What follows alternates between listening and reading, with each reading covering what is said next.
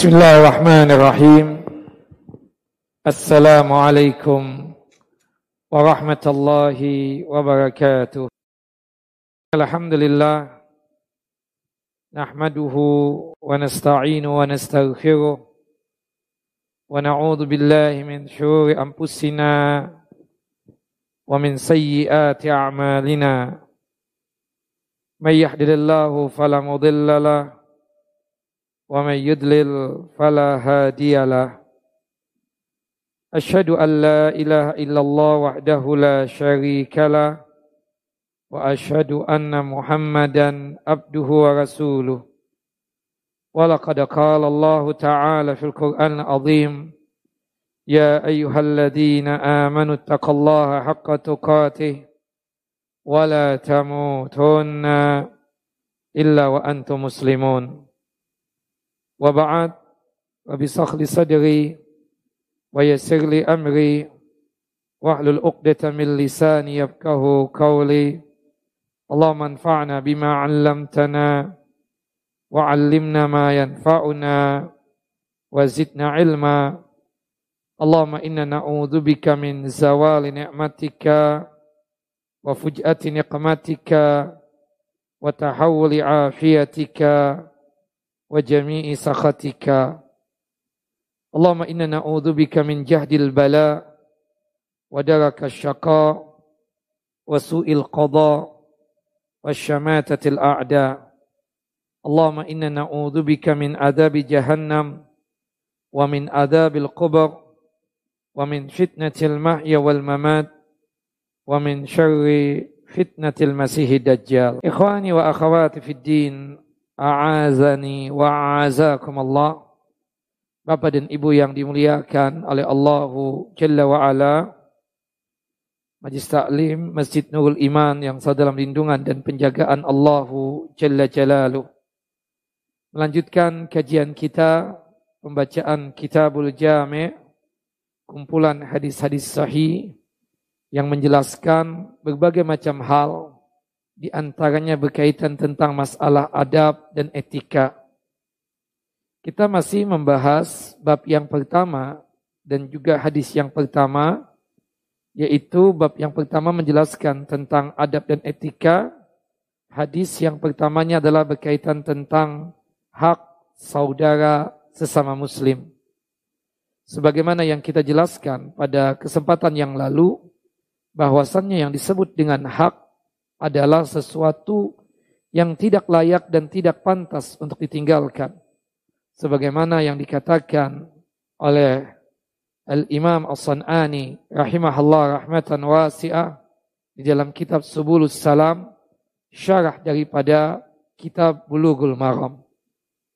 Dan pada kesempatan yang lalu kita sudah masuk pada pembahasan yang pertama berkaitan dengan hak saudara sesama muslim kita yaitu idza laqitahu fasallim alaih.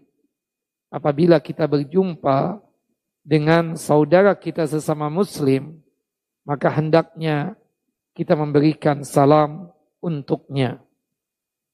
Berbicara tentang masalah salam para ulama menjelaskan ya wa ibtida'us salam sunnatun wal minal jama'ati sunnatun kifayah.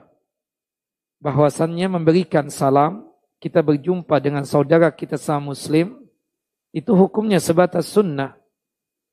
Kemudian jika sekiranya kita beberapa orang, kalau tadi satu orang, kita sendirian berjumpa dengan saudara kita sama muslim, maka sunnah kita tersebut untuk memberikan salam kepadanya. Tapi kalau kita beberapa orang, bertiga atau berlima, satu di antara kita sudah memberikan salam, itu sudah mewakili dari yang berempat atau yang berlima tadi itu. Dan itu disebutnya dengan istilah sunnah kifayah. Walau sallama ala insanin summa laqiyahu an qurbin apabila kita sudah memberikan salam kepada seseorang Kemudian setelah itu tidak berselang lama berjumpa lagi dengan si fulan yang tadi sudah kita berikan salam kita untuknya. Sunnah ayusallima alaihi thaniyan wa thalisan wa akthar. Wala yatrukus salama idha kana ala dhannihi anna al-musallama la yuraddu alaihi. Jika kita berjumpa lagi ke, kepada saudara kita sama muslim, untuk yang kedua kali berikan salam lagi. Tahu-tahu tidak berselang lama, berjumpa lagi untuk ketiga kali dengan si fulan ini. Maka kita berikan salam lagi untuknya. Bahkan lebih daripada itu. Dan jangan sampai kita ini meninggalkan salam, artinya tidak untuk memberikan salam kepada saudara kita sama muslim, karena prasangka kita, dia kalau diberikan salam juga tidak mau untuk menjawab. Jangan sampai kita terkalahkan oleh zon dan prasangka kita. Anggaplah dia tersebut tidak memberikan salam. Tapi tetap Sunnahnya pada saat kita berjumpa dengan saudara kita sama muslim memberikan salam kepadanya. Wa raddus salami fardu ainin alal munfarid wa fardu kifayah alal jamaah. Menjawab salam itu hukumnya wajib setiap individu. Artinya kita diberikan salam oleh saudara kita sama muslim. Kita kebetulan sendirian maka wajib hukumnya kita untuk menjawab salamnya. Tapi kalau seandainya beberapa orang diberikan salam, anak kepada antum memberikan salam. Antum yang anda berikan salam lebih banyak dari anak. Maka ketika salah seorang dari antum sudah menjawab salam anak, maka itu sudah mewakili yang lainnya.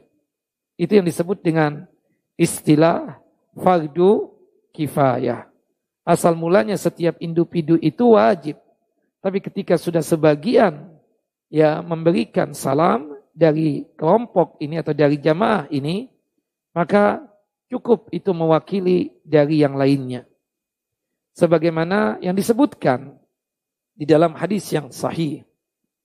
Qala Rasulullah sallallahu alaihi wasallam Rasulullah sallallahu alaihi wasallam bersabda, "Yujzi'u anil jamaah idza marru ayyusallima ahaduhum." wa yujzi'u anil julusi ayyarudda ahaduhum. Sudah cukup bagi jamaah atau sekelompok orang. Jika mereka lewat, maka salah seorang dari mereka saja yang memberikan salam. Tidak semuanya. Ada beberapa orang melewati sekelompok kaum muslimin, satu dari beberapa orang ini sudah memberikan salam, itu sudah mewakili. Dan sudah cukup salah seorang dari sekelompok orang yang duduk membalas salam tersebut. Kemudian yang duduk-duduk yang kita berikan salam untuknya, ada beberapa orang juga di situ. Satu dari mereka sudah menjawab salam, itu sudah cukup, sudah mewakili. Itu yang disebut dengan fardu kifayah.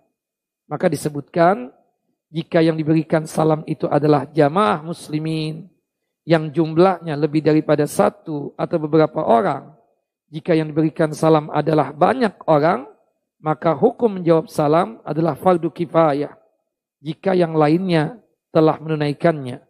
Jika jamaah diberikan salam, lalu hanya satu orang saja yang membalasnya, maka yang lainnya gugur kewajibannya. Nah, nah kemudian pada kesempatan yang lalu, kita juga menjelaskan ucapan salam yang paling terbaik tersebut adalah ya ucapan yang panjang ada tiga lafal yang disebutkan oleh Nabi kita Muhammad sallallahu alaihi wasallam di dalam hadis yang sahih. Hadis dari Abu Hurairah dan dikuatkan di dalam hadis Imran bin Husain radhiyallahu an. Diceritakan ketika Nabi kita Muhammad sallallahu alaihi wasallam sedang duduk-duduk ada salah seorang sahabat memberikan salam seperti ini. Assalamualaikum. Dijawab oleh Nabi sallallahu alaihi wasallam, "Waalaikumsalam warahmatullah." Ketika sahabat ini sudah meninggalkan majlisnya Nabi SAW, Rasulullah SAW berkomentar, Ashru hasanat. Tadi sahabat kita yang memberikan salam dengan sigot salam yang pendek, Assalamualaikum, dia tersebut telah mendapatkan sepuluh hasanat atau sepuluh kebaikan atau pahala. Famarra rajulun akhar. Faqala assalamualaikum warahmatullah. Kemudian lewat lagi sahabat yang kedua. Kemudian sahabat yang kedua ini memberikan salam kepada Nabi dan kepada sahabat yang ada di situ. Assalamualaikum warahmatullah. Kemudian dijawab oleh Nabi SAW. Waalaikumsalam warahmatullahi wabarakatuh. Ketika sahabat ini izin untuk meninggalkan majlis Nabi SAW, Rasulullah SAW berkomentar. Maqala sallallahu alaihi wasallam. Isruna hasanatan. Tadi sahabat kita yang memberikan salam dengan redaksi salamnya seperti ini. Assalamualaikum warahmatullah. Dia mendapatkan 20 pahala. Famarra rajulun akhar. Kemudian datang lagi sahabat yang ketiga. Di majlisnya Nabi SAW. Kemudian memberikan salam yang panjang. Assalamualaikum warahmatullahi wabarakatuh. Dijawab oleh Nabi SAW. Waalaikumsalam warahmatullahi wabarakatuh. Ketika sahabat ini sudah meninggalkan majlis Nabi SAW, Rasulullah berkomentar, Salasuna hasanatan. Dia telah mendapatkan 30 kebaikan atau hasanat serta pahala. Dan di sini kita katakan Abdulus salam ya paling utamanya redaksi salam tersebut adalah apa? Assalamualaikum warahmatullahi wabarakatuh. 30 pahala. Yang sedang Assalamualaikum warahmatullah. Sedangkan yang paling pendek adalah Assalamualaikum. Tidak ada yang lebih panjang daripada Assalamualaikum warahmatullahi wabarakatuh.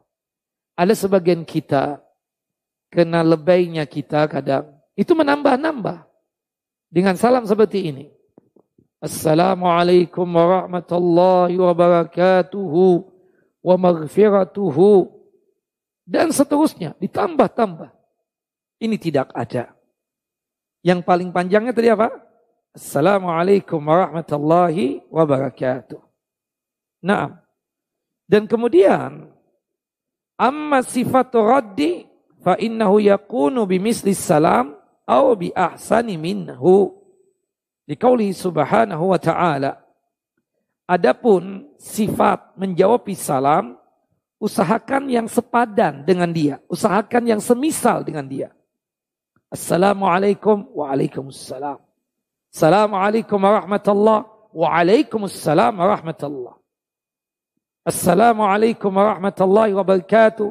Waalaikumsalam warahmatullahi wabarakatuh. Atau lebih baik lagi dari salam yang diberikan untuk kita. Assalamualaikum. Kita jawab. Waalaikumsalam warahmatullah. Dia memberikan salam kepada kita. Assalamualaikum warahmatullah. Kita jawab. Assalamualaikum waalaikumsalam warahmatullahi wabarakatuh. Sebagaimana yang Allah Jalla wa'ala firmankan dalam surah An-Nisa, surah yang keempat, ayat 86. Wa idha huyitum bitahiyatin fahayyu bi ahsana minha awudduha.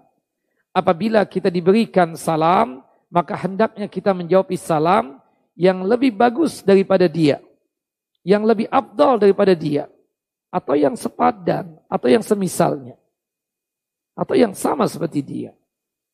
Nah, kemudian selanjutnya, ikhwani fiddin, a'azani wa Allah, Bapak dan Ibu yang dimuliakan oleh Allahu Jalla wa Ala. Disebutkan. Wa in sallama rajulun ala jama'atin.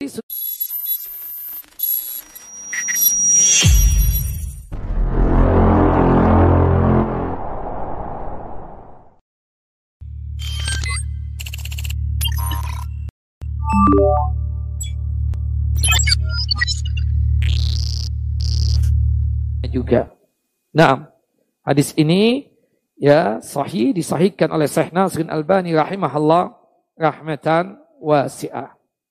Nah, ikhwan fi din, a'azani wa a'azakum Allah. Bapak dan Ibu yang dimuliakan oleh Allahu Jalla wa Ala. Kemudian kita masuk kepada pembahasan berkaitan dengan karahatu al-ibtida bi alaika assalam. Kita tidak boleh ya atau dimakruhkan dengan memulai alaikassalam. Secara bahasa Arab is okay, nggak ada masalah. Tapi secara sunnah dan tuntunan Nabi, kita kalau berjumpa dengan saudara kita sama muslim nggak boleh. Alaikassalam. Tidak boleh yang demikian. Hukumnya apa? Makruh. Meskipun secara bahasa, ya secara secara grammarnya bahasa Arab benar. Tapi secara syariat disalahkan. Seharusnya kita ketika berjumpa dengan saudara kita sama muslim, kita mengucapkan Assalamualaikum warahmatullahi wabarakatuh. Bukan alaikassalam. Bukan alaikumussalam. Tapi Assalamualaikum warahmatullahi wabarakatuh. Hal itu disebutkan di dalam hadis Jabir bin Sulaim Al-Hujaimi radhiyallahu an. Semoga Allah Jalla wa ala meridai beliau. Annahu qala. Beliau bertutur dan bercerita. Ataitu an-nabiyya sallallahu alaihi wasallam wa qultu alaika salam. Aku pernah mendatangi Nabi SAW. Ketika aku mendatangi Nabi SAW, aku berucap seperti ini. Alaikas salam ya Rasulullah. Maka Rasulullah Rasulullah kemudian menjawab dan memberikan nasihat kepada Jabir bin Sulaim al-Hujaimi. La taqul alaikas salam. Walakin qul assalamu alaika. Jangan engkau ucapkan alaikas salam, tapi ucapkanlah assalamu alaik atau assalamu alaikum. Dan itu disebutkan di dalam hadis yang dikeluarkan oleh Al-Imam Abu Daud rahimahullah rahmatan wasi'ah. Naam. Dalam riwayat yang lain dari hadis redaksi yang dikeluarkan oleh Al-Imam Abu Daud, kenapa enggak boleh ya Rasulullah? Kata Rasulullah, la taqul alaikas salam Wa inna alaikas salam tahiyatul mauta. Janganlah engkau mengucapkan salammu dengan ucapan seperti ini. Alaikas salam. Kenapa? Karena alaikas salam itu adalah ucapannya salam untuk orang yang sudah meninggal dunia. Wallahu a'lam.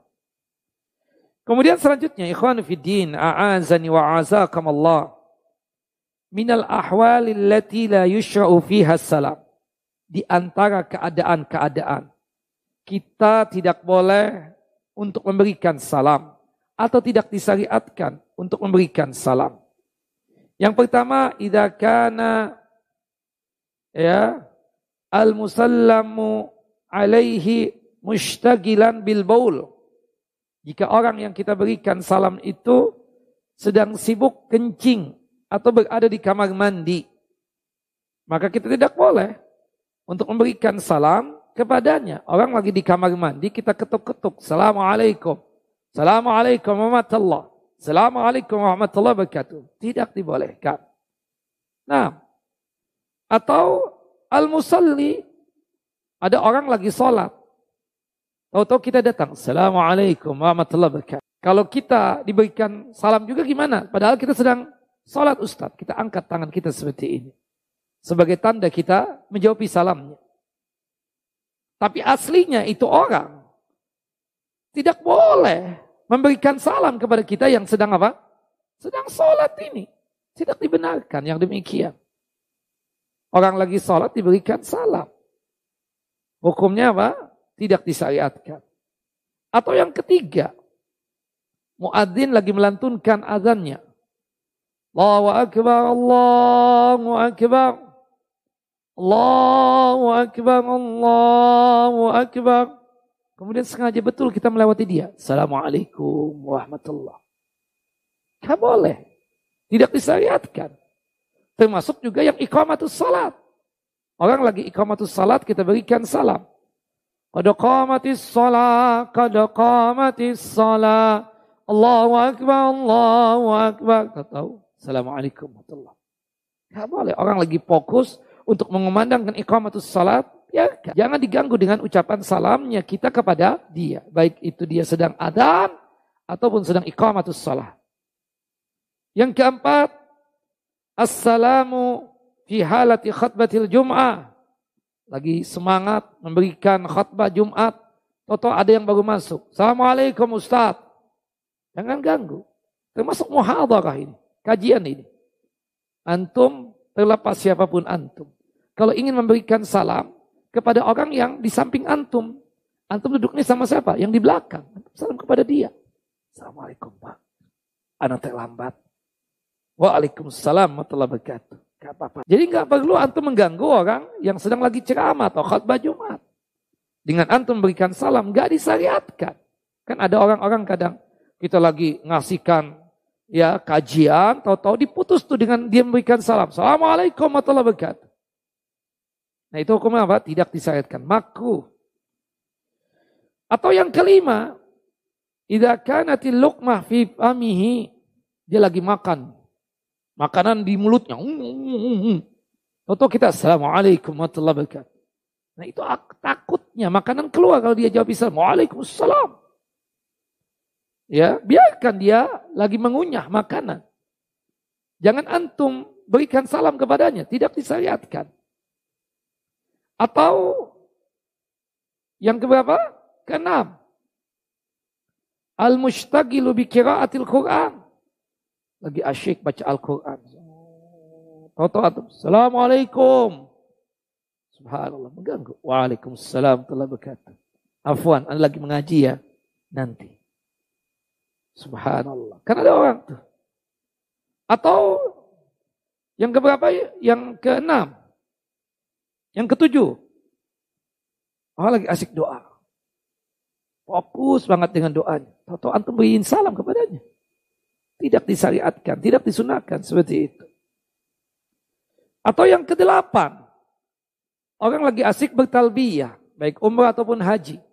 Labbaik Allahumma labbaik, syarika laka labbaik, innal hamda wan ni'mata laka wal mulk la syarika lak. Atau antum berikan salam kepadanya. Orang lagi fokus, maaf, talbiyah, antum kok berikan salam kepadanya. Nah, itu juga tidak dibolehkan. Nah, termasuk juga wa yukrahu ala mulabbin wa muhaddisin. Orang lagi bercakap-cakap, berbicara, asyik, serius banget di pojokan sana. Atau kita masuk, antum masih tangan. Assalamualaikum warahmatullahi wabarakatuh. Dia lagi serius, terhenti. Dari salamnya antum tadi itu. Itu jelas mengganggu. Tidak boleh. Kalau orang di pojokan, berbicara berduaan, itu berarti dia sedang serius. Tidak boleh ada yang nimbrung dari pembicaraan dia tersebut. Jelas ikhwan? Nah, nah kemudian kalau kita memberikan salam tersebut, usahakan dengan keras supaya terdengar oleh telinga saudara kita, sama muslim. Minas sunnati al-ja'ru bis salam wa kadzalika ar-raddu. Termasuk sunnah menampakkan pemberian salam dengan keras, termasuk juga menjawab salam hendaknya dengan suara yang lantang lagi keras. Assalamualaikum warahmatullahi wabarakatuh. Waalaikumsalam warahmatullahi wabarakatuh. Nah, walau qad kana hadiyu Nabi sallallahu alaihi wasallam fil Islam, fis salam, nah, Nabi sallallahu alaihi wasallam fis salam ay yarfa'a sautahu bis salam wa kadzalika fi ghad fala yuhsal bil israri al ajar. Termasuk dari petunjuk Nabi SAW ketika memberikan salam, beliau mengangkat suara beliau. Begitupun juga ketika menjawab salam, beliau mengangkat suara beliau, mengeraskan suara beliau. Dan tidak disyariatkan kalau orang salamnya secara rahasia. Sir, tidak terdengar, itu tidak sunnah. Kita salam kepada seseorang yang dianggap tokoh masyarakat. Assalamualaikum Pak Haji. Gitu doang, tidak boleh, makruh. Ada jawab pikir salam kita. Assalamualaikum warahmatullahi wabarakatuh. Waalaikumsalam warahmatullahi wabarakatuh. Bukan diam. Ya jaim-jaim kadang. Ya, itu gak sunnah begitu ya. Subhanallah. Dikatakan oleh Al-Imam Ibn Qayyim, uh, dikatakan di dalam hadis atau athar yang dikeluarkan oleh Al-Imam Al-Bukhari dari hadis Abdullah Ibn Umar bin Khattab radhiyallahu anhuma an Thabit bin Ubaid dari Thabit bin Ubaid qala berkata ataitu majlisan fihi Abdullah ibnu Umar aku pernah mendatangi satu majlis Yang di dalam di situ ada Abdullah ibnu Umar, sahabat Nabi SAW. Faqala Abdullah ibnu Umar kemudian memberikan nasihat kepada kami. Ida sallamta fa asmi' fa innaha tahiyatun mubarakatun tayyibatun. Jika engkau memberikan salam, tolong diperdengarkan salamnya antum kepada saudara antum. Dikarenakan di dalam salam tersebut adalah ya keberkahan dan kebaikan. Wallahu a'lam bishawab. Kata Al-Imam Ibn Qayyim rahimahullah rahmatan wasi'ah. Anna min hadihi sallallahu alaihi wasallam annahu kana yusmi'u al uh, al musallamu au radduhu alaihi bahwasannya termasuk dari petunjuk Nabi sallallahu alaihi wasallam hendaknya kita memperdengarkan suara kita kepada orang yang kita berikan salam tersebut. Atau kita dianjurkan, termasuk dari apa yang dilakukan oleh Nabi, ketika menjawab salam pun juga mengangkat suaranya. Terdengar dari orang yang memberikan salam kepada kita. Qala Al-Hafidh Ibnu Hajar. Al-Hafidh Ibnu Hajar berkata seperti ini. Ya, wastadalla bil amri bi ibsa'is salam ala annahu la yakfi salam sirran bal yustaratu al jahru wa aqallu ay yasma'a fil ibtida wal jawabi wala takfi al isyarah bil yad wa nahwi. Dari hadis ini sebagian ulama berdalilkan ini perintah buat kita untuk menyebarkan salam. Bahwasanya salam itu tidak cukup cuma sekedar secara lirih dan rahasia. Pelan banget, gak kedengaran oleh orang yang memberikan salam tadi. Bahkan disyaratkan harus nampak jelas ucapan salamnya tersebut. Termasuk menjawab salam. Nah, kenapa disebutkan di sini wa aqalluhu ayyasma'a fil ibtida wal jawab. Paling tidak ketika kita memberikan salam tersebut terdengar atau menjawab salam tersebut terdengar dan itu hukumnya ketika menjawab salam secara jelas dan nampak itu hukumnya wajib. Tidak cukup cuma sekedar isyarat. Kita kan pernah lihat kan? Assalamualaikum Pak Haji. Gak boleh, harus kan? Assalamualaikum warahmatullahi wabarakatuh Pak Haji. Waalaikumsalam warahmatullahi wabarakatuh. Seperti itu. Nah. Dan kemudian pertanyaan, kalau sekiranya di majlis kita tersebut tidak hanya sekedar muslimin, ada yang kafir. Kita berikan salam enggak untuk mereka? berikan salam.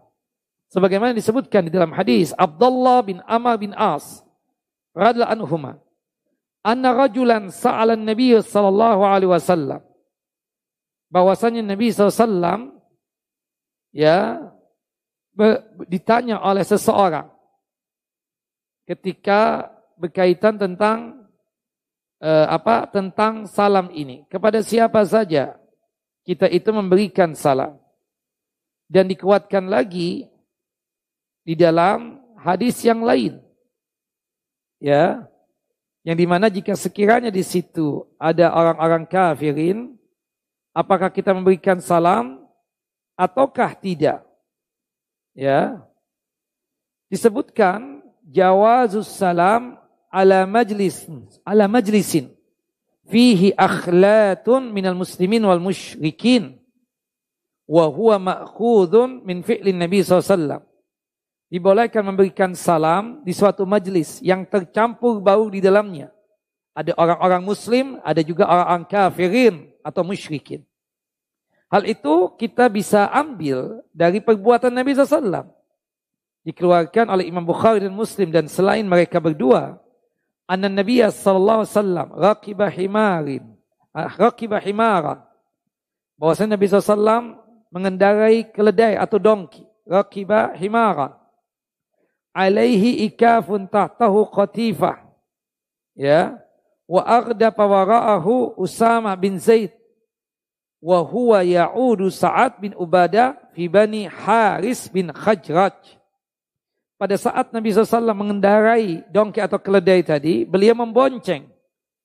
Ya, cucu angkatnya Nabi SAW yang bernama Usama bin Zaid bin Harithah radhiyallahu anhu. Nabi Muhammad dan Usama ini ya itu tujuannya ke mana? Untuk membesuk dan mengunjungi sahabat yang mulia Sa'ad bin Ubadah dari kalangan Bani Haris bin Khajrat. Karena beliau ya didengar oleh Rasulullah SAW sedang sakit. Sampai pada akhirnya datang di majlisnya Sa'ad bin Ubadah atau di kaumnya Sa'ad bin Ubadah, Nabi kita Muhammad sallallahu alaihi wasallam melewati kumpulan kalangan kaum muslimin dan kalangan orang-orang musyrik yang pada saat itu masih menyembah berhala. Termasuk di situ ada Yahudi juga. Di dalamnya lagi ada munafikin juga. Salah satunya adalah Abdullah bin Ubay bin Salul. Nah, dan di dalam majlis itu ternyata ada muslimnya yaitu Abdullah bin Rawaha. Abdullah bin Rawaha. Falamma ghasiyatil majlis ya ketika sudah sampai di majlis tersebut kendaraan ditambatkan kemudian Rasulullah SAW memberikan salam yang ditujukan kepada sahabat yang mulia yaitu Sa'ad bin Ubadah. Sa'ad bin Ubadah dari kalangan Bani Haris bin Hajras. Padahal di situ ada kafirin. Di situ ada musyrikin, ada munafikin. Berhubung di dalam majlis itu ada kaum muslimin, hatta satu orang, kita berikan salam tertuju kepada dia tersebut. Wallahu alam bisawab. Nah, disebutkan di sini wal ibtida'u bis salami ala qaumin fihi muslimuna wa kuffar mujamma'un ala jawazihi. Kita memberikan salam kepada satu kaum yang di dalam kaum tersebut ada kaum muslimin dan juga ada kaum kafir. Maka sepakat para ulama tentang bolehnya memberikan salam kepada majlis yang bercampur baur antara muslimin dan kafirin tadi. Dikatakan oleh Al-Imam An-Nawawi, wala yunkiru ala hadha tidak boleh kita mengingkari tentang hal yang demikian. Jika kita masuk di satu masjid, ah maaf, kita kita masuk di suatu majlis atau di satu gedung, di situ ada muslimin, ada kafirin, atau kita memimpin rapat di suatu perusahaan yang di mana dalam rapat tersebut ada muslimin, ada kafirin. Berikan salam enggak? Berikan salam. Salamnya kita tertuju kepada siapa? Kepada saudara-saudara kita sesama muslim tadi. Wallahu alam bisawab. Dan itu tidak boleh untuk kita ingkari ya. Ketika dalam satu majlis itu bercampur bau antara laki dan perempuan. Eh, sorry, bercampur bau antara muslimin dan kafirin. Di situ bercampur bau antara muslimin dan kafirin. Maka kita boleh untuk memberikan apa? Salam kepada orang-orang muslim yang ada di situ. Allahu a'lam. Sebagaimana dilakukan oleh Nabi ketika membesuk sahabat yang mulia Sa'ad bin Ubadah maka pada saat itu salamnya Nabi ketujuh kepada Sa'ad bin Ubadah yang sudah menyatakan iman dan Islam.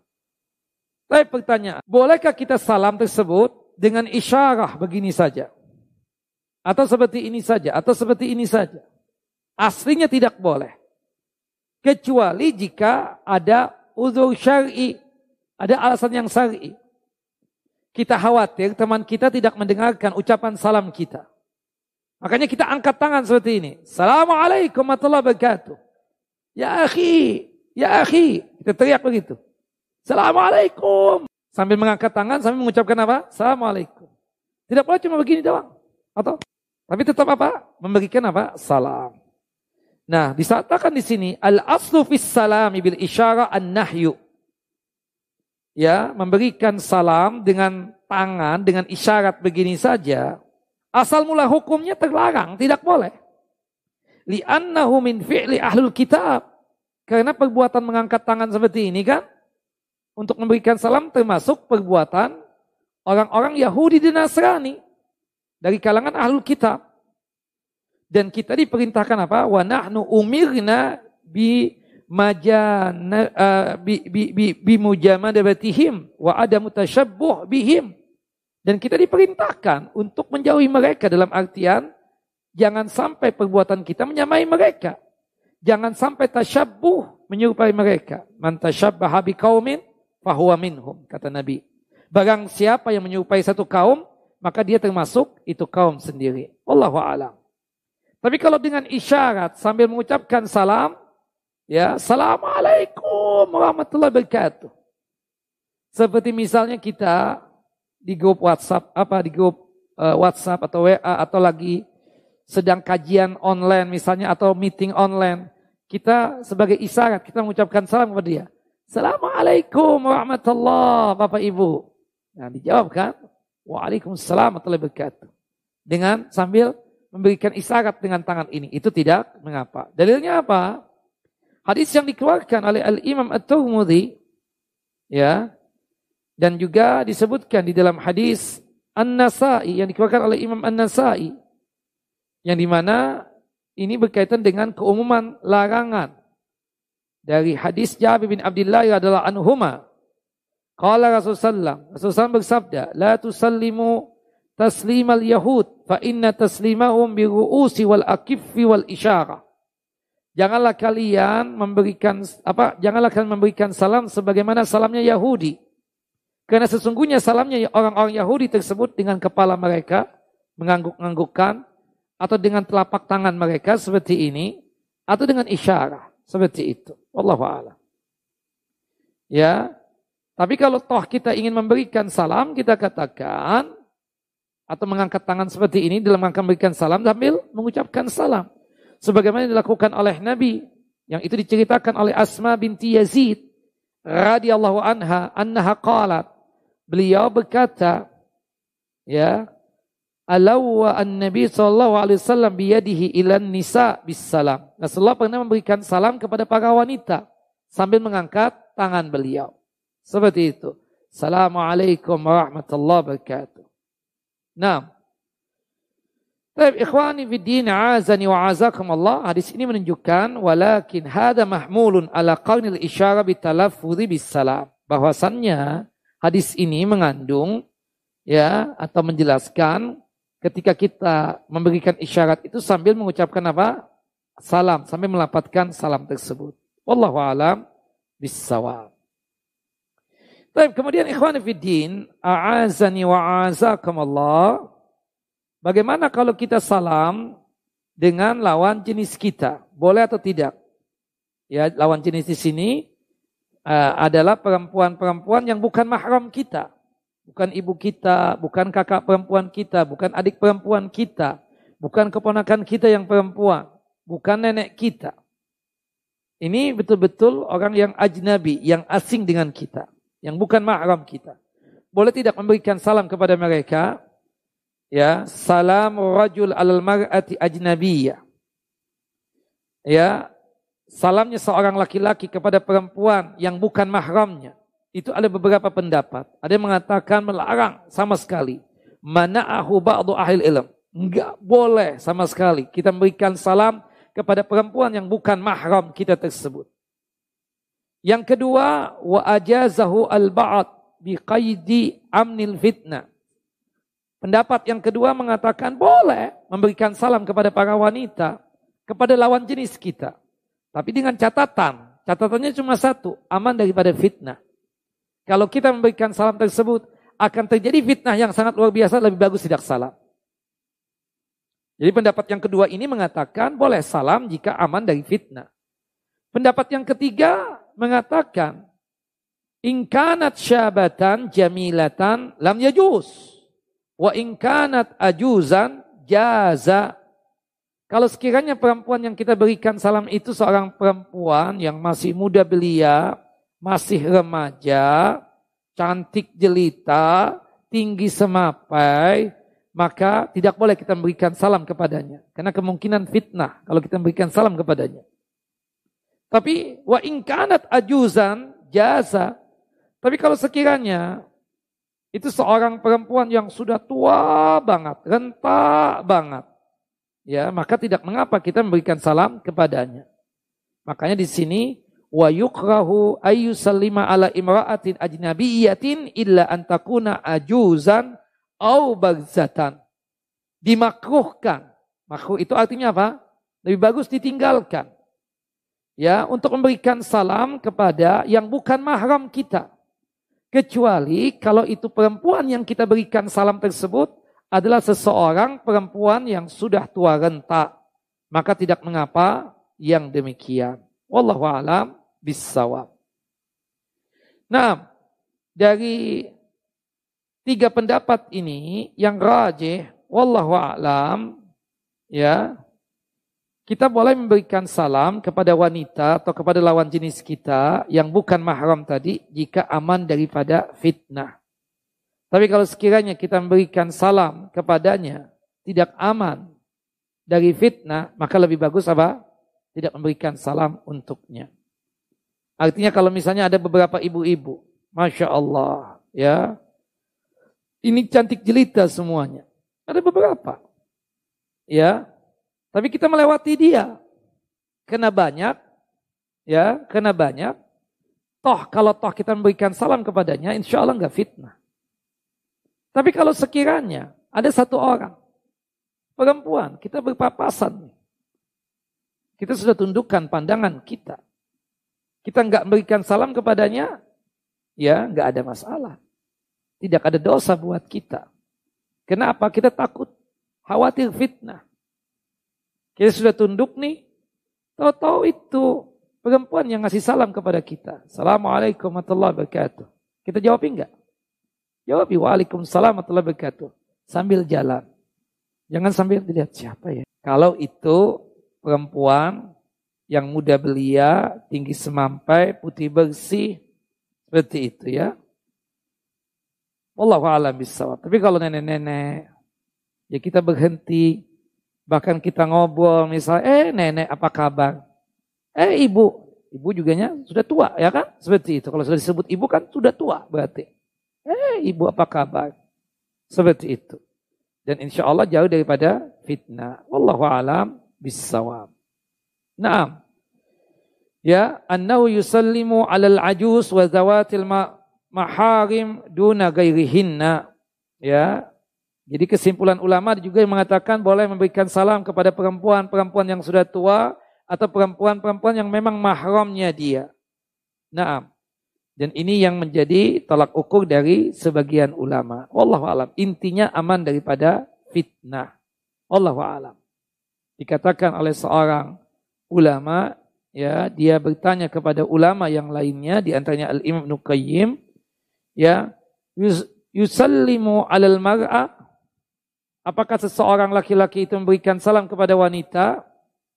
Maqala dijawab ammal kabira fala ba'sa. Kalau perempuannya sudah tua enggak apa-apa kita berikan salam untuknya. Wa amma syaba fala tastantiq. Adapun perempuan yang masih muda belia, cantik, jelita dan seterusnya, maka janganlah engkau ucapkan salam untuknya. Wallahu alam bisawab. Kemudian ketika terjadi iktikaf. Contohlah di masjid ini. Ada sebagian teman-teman yang tertidur lelap. Ada yang masih dalam kondisi apa kita katakan yang masih terjaga. Maka kita yang baru datang ke masjid ini, kita memberikan salam kepada yang terjaga tadi, yang belum tidur. Dengan mendekati mereka. Jangan keras-keras. Aslinya kan sunnahnya keras ya membaca salam itu. Tapi ketika kita melihat ada yang tertidur lelap, maka kita menghampiri orang yang masih bangun, kemudian memberikan salam. Assalamualaikum warahmatullahi wabarakatuh. Karena kita memberikan salam kepada mereka tersebut, itu sudah mewakili memberikan salam kepada mereka mereka yang tertidur ini. Kemudian teman kita yang belum tidur tadi itu memberikan salam kepada kita. Waalaikumsalam warahmatullahi. Nah itu tidak mengapa yang demikian. Itu biasanya terjadi waktu apa? Etika. Wallahu alam bisawab.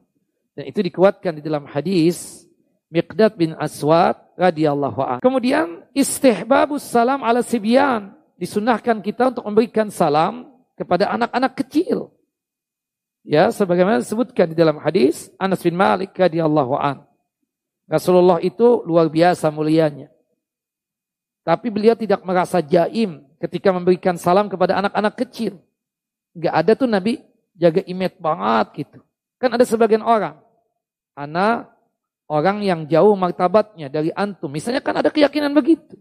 Anda nggak memberikan salam sampai dia tersebut memberikan salam kepada anak. Nah itu kan manusia itu seperti itu. Waliyahzubillah. Padahal kita ini harus mencontoh Nabi, berikan salam. Hatta kepada anak-anak kecil sekalipun. Dan kita memberikan salam kepada anak-anak kecil tadi tidaklah meruntuhkan martabat dan juga kehormatan kita. Wallahu alam bisawab. Kemudian An-nahyu an ibtidai ahli kitab bis salam. Tidak boleh kita mulai memberikan salam kepada Yahudi dan Nasrani, termasuk kepada orang-orang kafirin dan musyrikin. Ya kalau kita berpapasan dengan orang kafir, misalnya dia tetangga kita, ya atau mungkin koleha kita, kita cuma sekedar mengucapkan yang umum saja. Jangan salam kita berikan kepada dia. Good morning, selamat pagi, selamat siang, good afternoon, dan seterusnya. Seperti itu. Atau say hello saja. Hai, apa kabar? Dan seterusnya. Jangan, Assalamualaikum warahmatullahi wabarakatuh. Eh, dia kafir apa muslim? Kafir Ustaz. Gak boleh. Kata Nabi kita Muhammad SAW dalam hadis yang sahih, La tabda'u al-yahuda walan nasara bis salam. Janganlah kalian memulai mengucapkan salam kepada orang Yahudi dan Nasrani dengan ucapan salam tadi itu. Ya. Jika sekiranya mereka ustadz yang mulai mengucapkan salam, kan di zaman sekarang ini, non muslim atau kafir ini ikut-ikutan dengan kaum muslimin. Kadang juga ikut mengucapkan alhamdulillah. Kadang mengucapkan astagfirullah. Ya kan? Kita saksikan begitu. Apalagi salam. Subhanallah. Ya kan banyak non muslim. Kita katakan yang jadi host misalnya atau apa itu. Dia mengucapkan salam. Kita jawab enggak salamnya? Jawabi sebatas apa? Waalaikum. Gak lebih daripada itu. Tidak boleh kita menjawab secara apa? Sempurna. Waalaikumsalam warahmatullahi wabarakatuh. Gak boleh. Kita jawab cuma waalaikum. Seperti itu. Wallahu alam bisawab. Dan juga istihbabus salam inda dukhulul bait.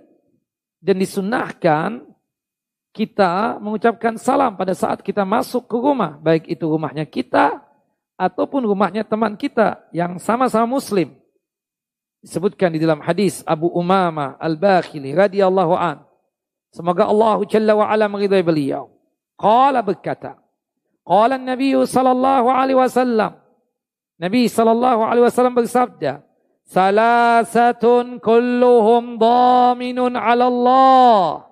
Ada tiga golongan yang dijamin oleh Allah Jalla wa ala In asha kufiya. Jika sekiranya dia masih hidup, maka Allah Jalla akan cukupkan rizkinya.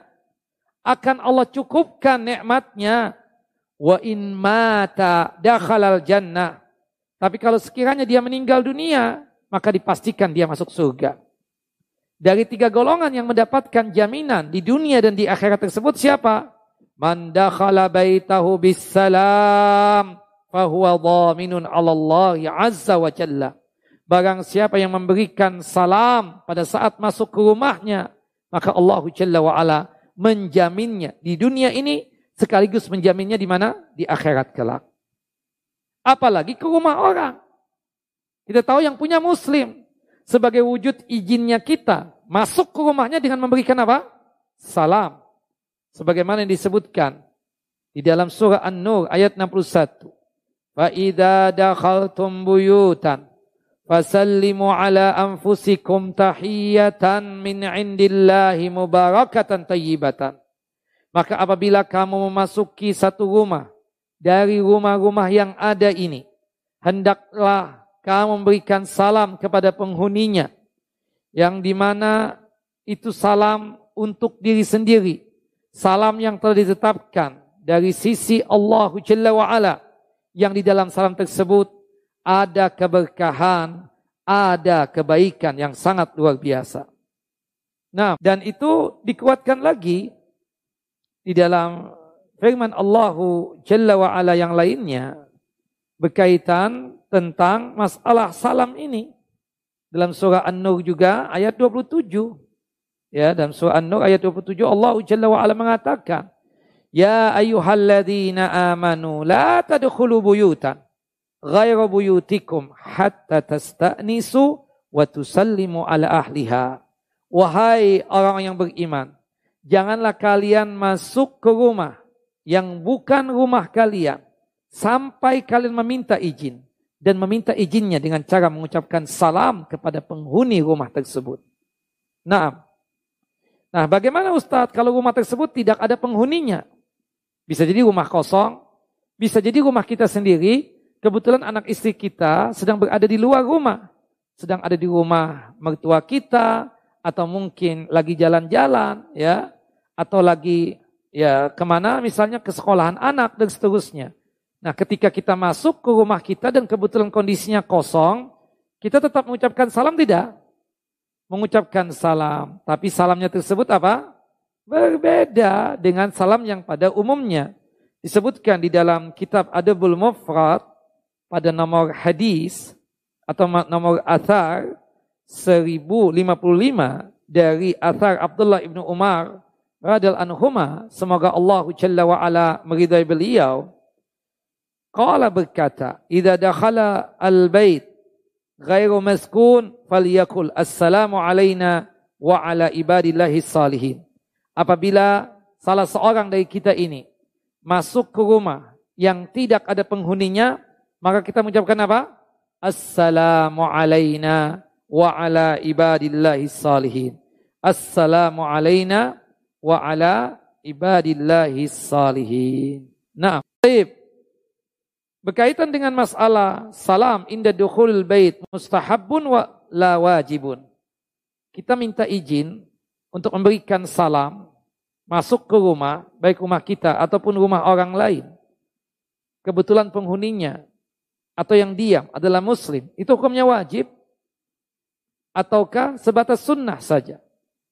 Dikatakan oleh para ulama, assalamu inda dukhulul bait mustahabun la wajibun sawaun kana fil baiti ahadun am la. Salam ketika masuk ke rumah itu hukumnya sebatas sunnah bukan wajib baik di rumah tersebut ada orang ataupun tidak ada orang. Berdasarkan hadis yang dikeluarkan oleh Al-Imam Abu Daud dalam kitab sunannya pada nomor hadis 5096 dari hadis sahabat yang mulia Abu Malik Al-Ash'ari radhiyallahu an qala berkata qala Rasulullah sallallahu alaihi wasallam Rasulullah SAW bersabda Idza walaja ar-rajulu baitahu falyakul. Apabila salah seorang dari kalian tersebut masuk ke rumahnya, maka hendaknya berdoa. Dan ini adalah doa masuk ke rumah. Allahumma inni as'aluka khaira al-maulaj wa khairal makhraj. Bismillahi walajna wa bismillahi kharatna wa ala rabbina tawakkalna. Ya. Sudah membaca doa ini, summa liyusallim ala ahlihi. Ketika kita sudah membaca doa masuk ke rumah ini, baru kita mengucapkan salam kepada penghuni rumah. Allahumma inni as'aluka khairal maulaj wa khairal makhraj bismillahi walajna wa bismillahi kharatna wa ala rabbina tawakkalna. Setelah itu baru kita mengucapkan salam. Dan hadis ini disahihkan oleh Syekh Nasir Albani rahimahullah rahmatan wasi'ah di dalam kitab Silsilah As-Sahihah pada nomor hadis 225. Wallahu a'lam. Baik. Dan itu dikuatkan lagi dalam hadis yang dikeluarkan oleh Al-Imam At-Tirmidzi kalau kita masuk ke rumah itu memberikan salam anjuran. Sunnah ya, bukan wajib. Berdasarkan hadis dari Anas bin Malik semoga Allah Jalla wa ala meridai beliau. Nah, Disebutkan di dalam hadis Anas bin Malik tersebut, qala li Rasulullah Rasulullah itu pernah memberikan nasihat kepada aku, kepada Anas bin Malik. Ya bunayya, wahai anakku, ya menunjukkan Rasulullah itu kepada yang muda, kepada yang kecil, sangat menghormati, sangat memuliakan dan sangat sayang. Sampai ucapan-ucapan penghormatan dan ucapan kasih sayang itu sering diucapkan oleh Nabi. Ya bunayya, ya gulam, dan seterusnya. Ya bunayya, ya gulam, ya wahai anak kecil. Nah, ini ucapan apa? Kasih sayang. Kata Nabi, ya bunayya idza dakhalta ala ahlika fasallim. Apabila engkau masuk ke rumahmu untuk menemui penghuni rumah, anak dan istrimu, maka ucapkanlah salam. Kenapa dengan ucapan salam tersebut? Yakun barakatan alaika wa ala ahli baitika. Karena dengan ucapan salam yang kita berikan kepada penghuni rumah, itu tidak lain keberkahan buat kita, kita dapatkan keberkahan dan juga keberkahan buka penghuni rumah kita tersebut. Ya, hadis ini disahihkan oleh Syekh Nasrin Albani rahimahullah rahmatan wasi'ah. Dari sini kata Syekh Nasrin Albani, "Fa fi hadaini al-haditsaini istihbabu taslim rajul ala ahli baitihi idza dakhala al-baita."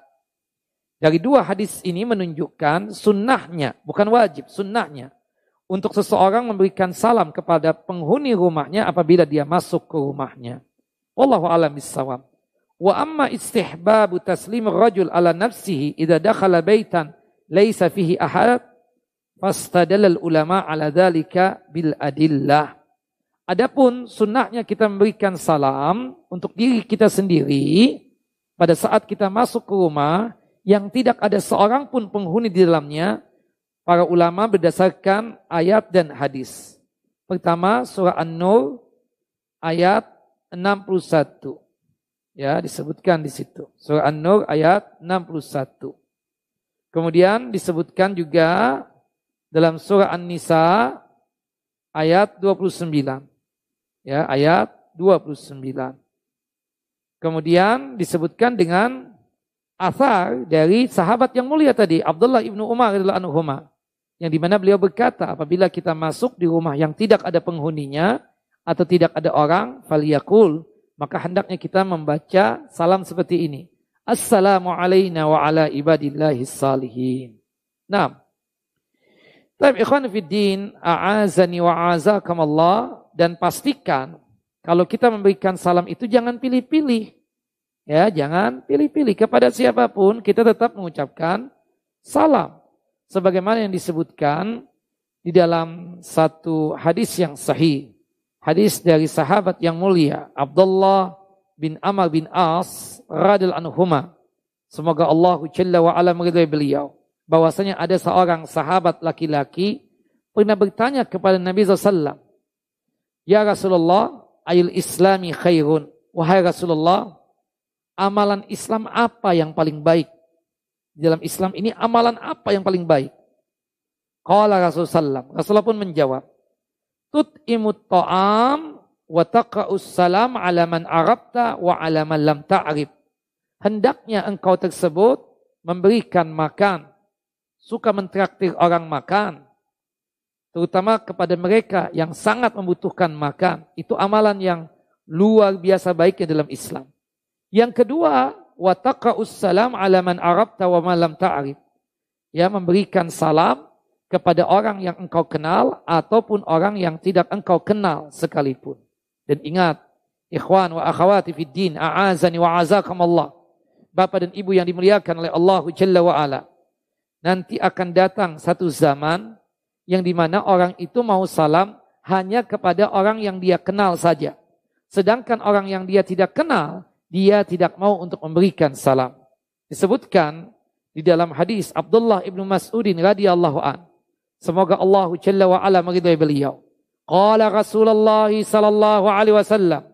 Rasulullah sallallahu alaihi wasallam bersabda, "Min asrati sa'ah ayyamura ar-rajulu bil masjidi la yusalli fihi." Di antara tanda-tanda adanya kiamat tersebut atau sudah dekatnya kiamat tersebut adalah seseorang yang melewati masjid, sudah masuk waktu sholat, sudah ada undangan Allah Jalla Jalaluh dengan muadzin melantunkan adanya. Hayya ala salah, hayya ala falah. Tapi dia tersebut tidak mau untuk mampir ke masjid tersebut, melaksanakan ibadah salat di masjid tersebut. Itu masjid dia lewati saja. Nah kalau seandainya terjadi dengan kita seperti itu, atau terjadi dengan teman-teman seperti itu, Terutama pada saat maghrib. Tiap hari itu saksikan orang di jalanan itu. Sudah terdengar azan secara jelas. Hayya ala salah, hayya al falah. Dia lewati beberapa masjid. Tapi nggak mau mampir untuk sholat di masjid tersebut. Kalau kita mendapatkan ada manusia yang seperti itu, ada kalangan kaum muslimin yang seperti itu, berarti menunjukkan bahwasannya tanda kiamat sudah ada. Yang kedua, Tanda kiamat itu sudah ada apa? Wa alla yusallima illa ala man ya'rifhu. Tidak mau dia memberikan salam kecuali kepada orang yang dia kenal. Kita ini satu-satu masjid, sama masjidnya. Satu keluar dari masjid ini, satu masuk. Enggak ada tuh di antara kita ini yang memberikan salam. Padahal kita paham, orang yang datang ke masjid ini pasti apa? Muslim. Tapi nggak mau untuk mengucapkan salam. Ya, melongos begitu saja. Atau ya entah saling lihat-lihatan atau nggak melihat sama sekali sudah. Seharusnya kan kita ingat akan apa yang disabdakan oleh Nabi. Itu hak saudara kita, yaitu salam. Idza laqitahu apa? Fasallim alaih. Apabila kita berjumpa dengan saudara kita sama muslim, mau kita kenal ataupun kita tidak kenal, mau kita paham itu siapa orang ataupun kita tidak paham itu siapa orang, atau kita paham ini orang kaya atau bukan, ini pejabat atau bukan, berpapasan, hendaknya kita apa? Memberikan salam untuknya. Wallahu alam bisawab. Selesai kita dari hak muslim yang pertama ini. Kita masuk kepada hak muslim yang kedua. Yaitu apa? Berkaitan tentang masalah undangan. Wa idza da'aka fa'ajibhu. Apabila kita diundang oleh saudara kita sama muslim, maka hendaknya kita memenuhi undangan tersebut. Nah, mayoritas ulama mengatakan bahwa yang wajib dipenuhi hanyalah undangan walimah pernikahan. Ya, Adapun memenuhi undangan, undangan yang lainnya, maka hukumnya sebatas apa? Mustahab, sebatas sunnah, tidak sampai wajib. Dan itu dikatakan di antara disebutkan di dalam kitab ya Ma'alim As-Sunnah karya Al-Khattabi jilid yang keempat halaman 237. Dan disebutkan ya mayoritas ulama itu siapa? Sebagian ulama di antara di kalangan madhab syafi'iyah dan para ulama zahiriyah dari kalangan madhab zahiri ini pengikut Imam Daud al-Zahiri. Di antara yang bermadhab zahiri ini adalah Al-Imam Ibnu Hazam. Mereka menganggap bahwasannya ya memenuhi undangan tersebut ya yang wajib itu berkaitan erat secara umum adalah berkaitan dengan undangan walimah pernikahan. Tapi dari kalangan madhab syafi'i dan madhab al-zahiri mengatakan berhubung konteksnya umum wa idha da'aka fa'ajibhu apabila salah seorang dari kita ini diundang maka datangilah undangan tersebut kata mereka yaitu dari kalangan ulama dari kalangan madhab syafi'i dan ulama dari kalangan madhab zahiri itu mencakup semua jenis undangan dan mewajibkan mereka untuk menghadirinya. Wallahu alam bisawab. Nah, nah kemudian disebutkan berkaitan tentang masalah undangan itu kan macam-macam. Kalau kita bagi ya itu menjadi dua. Ya, menjadi dua. Yang pertama, berkaitan dengan macam-macam undangan tersebut, itu berkaitan erat dengan acara jamuan makan. Ya, dan pastilah yang namanya diundang itu pasti berkaitan dengan ya jamuan makan, khususnya walimah. Nah, macam-macam walimah tersebut ada walimah karena sebab. Dan ini ada beberapa bagian. Ya, walimah itu kan kalau kita artikan pesta ya. Ya. Tapi kan pandangan kita di sini walimah di situ maksudnya adalah walimah ya berkaitan dengan pernikahan. Padahal ada juga yang berkaitan dengan walimah ya syukuran khitanan. Itu dalam bahasa Arab disebutnya adalah al-idzar. Ya. Ada juga walimah syukuran rumah baru. Itu disebutnya dengan sebutan al-wakirah. Al-wakirah. Ada juga walimah yang disebut dengan akikahan. Dan juga tasyakuran yang lainnya. Nah itu disebut dengan istilah walimah yang ada sebab. Sebab menikah, sebab dapat anak, ya akikah, atau sebab pindah rumah, atau maaf putra kita di khitan misalnya. Nah itu disebutnya adalah walimah secara umumnya. Dan itu bisa diartikan walimah karena ada sebab. Tapi ada walimah tanpa sebab-sebab yang disebutkan tadi. Ini yang disebut oleh para ulama hukumnya sebatas sunnah. Seperti mengadakan jamuan makan karena suatu sebab yang mengembirakan. Selain sebab-sebab yang kita sebutkan yang pertama tadi. Misalnya anak kita lulus, Alhamdulillah di fakultas kedokteran. Sebagai wujud syukurnya kita kepada Allah Jalla wa'ala, kita undang teman-teman kita untuk makan di rumah kita. Bolehkah seperti itu? Tidak mengapa yang demikian. Atau misalnya maaf, ada di antara teman naik pangkat, jabatan. Subhanallah. Terpilih jadi anggota legislatif. Atau menang misalnya pilkada. Dan seterusnya. Sebagai wujud, ya, apa ya, kita katakan bersyukur dia kepada Allah Jalla wa'ala, dia mengundang kita makan. Bolehkah kita datangi? Kita katakan hukumnya mendubah. Mendubah itu artinya mustahab atau sangat dianjurkan, tapi tidak wajib. Contoh lagi, ada teman sembuh dari penyakitnya. Alhamdulillah kita dengar. Sebagai wujud syukur kepada Allah Jalla wa'ala, dia ngundang kita ke rumahnya untuk makan-makan. Bolehkah kita datangi? Boleh, tidak mengapa. Bahkan hukumnya sunnah. Jadi bedakan ya, ada walimah karena sebab, ada walimah yang tanpa sebab. Kalau wasi walimah yang ada sebab itu apa? Seperti pernikahan, seperti khitanan, seperti berkaitan dengan masalah tasyakuran rumah baru dan seterusnya. Wallahu alam bisawab. Naam, semua.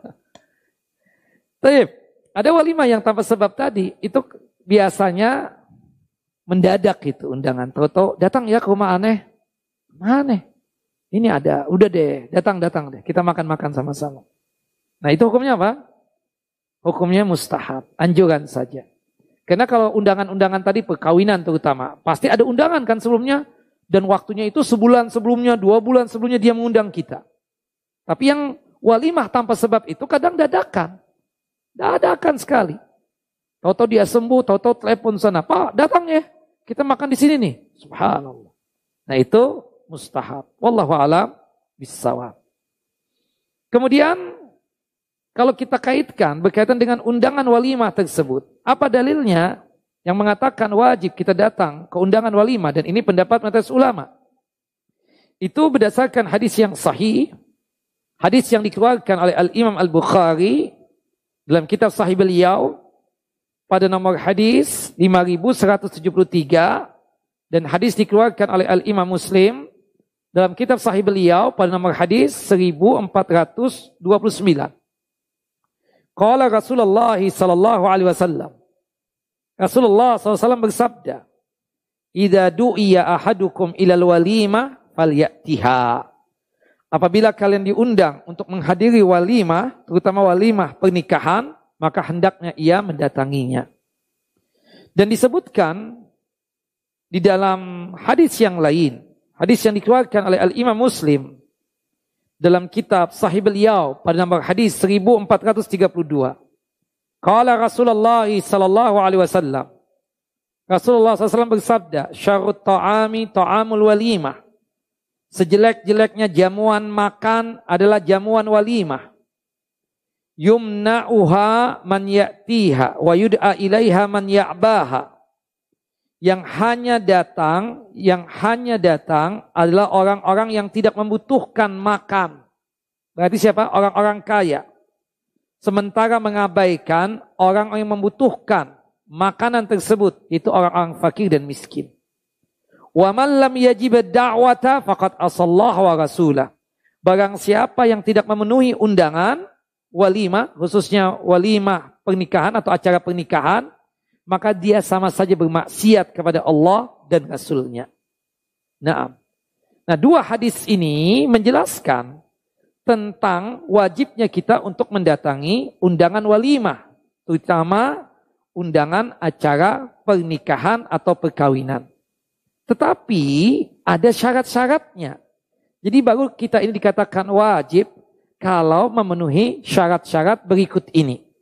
Yang pertama, yang mengundang kita itu adalah saudara kita sesama muslim. Artinya ada undangan walimah ada undangan pernikahan atau perkawinan, tapi yang ngundang itu kafir, non muslim, maka tidak wajib untuk datang. Tapi boleh nggak Ustadz untuk datang? Boleh. Kenapa? Karena Rasulullah pernah mendatangi undangan Yahudi. Ya kan? Tapi hukumnya apa? Boleh. Tapi kalau misalnya di undangan tersebut ada maksiat, haram untuk datang ya, seperti itu. Tapi yang jelas, kita baru wajib untuk mendatangi undangan walimah tersebut kalau yang mengundang kita adalah seorang muslim.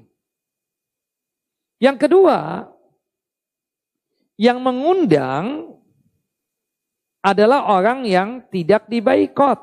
Nah ini para ulama berdebat ini. Ya tidak dihajar, hajun. Hajun itu dia kena suka maksiat atau ma'isyahnya berkaitan dengan yang haram. Itu orang, -orang seperti itu. Seandainya yang mengundang adalah orang yang dibaikat oleh pemerintah lantaran kemaksiatannya atau kebid'ahan yang dilakukannya dengan tujuan menyadarkannya untuk segera bertaubat, maka sebaiknya ia tidak memenuhi undangan tersebut guna memberikan efek jerah kepada si pengundang. Demikian pula halnya jika si pengundang adalah pelaku bid'ah yang sangat parah kerusakannya. Seperti sakte syiah rafidah. Terlebih lagi yang mengundang kita ini orang syiah yang di mana itu tokohnya. Ya, seorang tokoh yang sangat diagungkan oleh sakte sesatnya itu. Bahkan terlebih lagi jika ia khawatir akan terpenuh, terpengaruh oleh kebid'ahannya atau ikut-ikutan acara yang mereka bikin nanti di situ maka sebaiknya ia tidak datang ke undangan tersebut. Apalagi misalnya ustadz. Ya. Subhanallah, ini orang sudah diomongkan oleh para ustadz yang lainnya. Bahwasanya dia tersebut menyimpang dalam masalah pemahaman, dalam masalah akidah, dalam masalah manhaj. Tahu-tahu kita diundang. Kita main datang saja. Padahal ustadz-ustadz yang lain sudah ngomong hati-hati, hati-hati. Nah itu ada kekhawatiran nanti. Bisa jadi kita terpengaruh, bisa jadi kita itu datangnya ke sana sebagai wujud tazkiyahnya kita. Ya, sebagai wujud ya rekomendasinya kita untuk dia ini orang nggak apa-apa, nggak ada masalah, ya kan? Nah, itu khawatir kita seperti itu.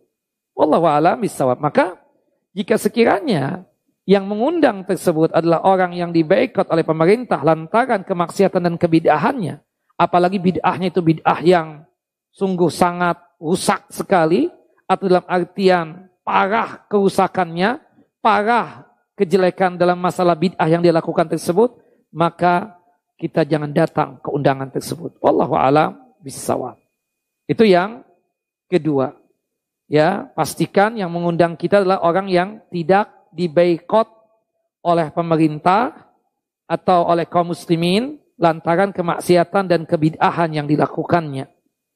Dan tujuan kita untuk tidak mendatangi undangannya agar dia sadar akan dosa yang dia lakukan, akan kebidahan yang dia lakukan, akan kemaksiatan yang dilakukan.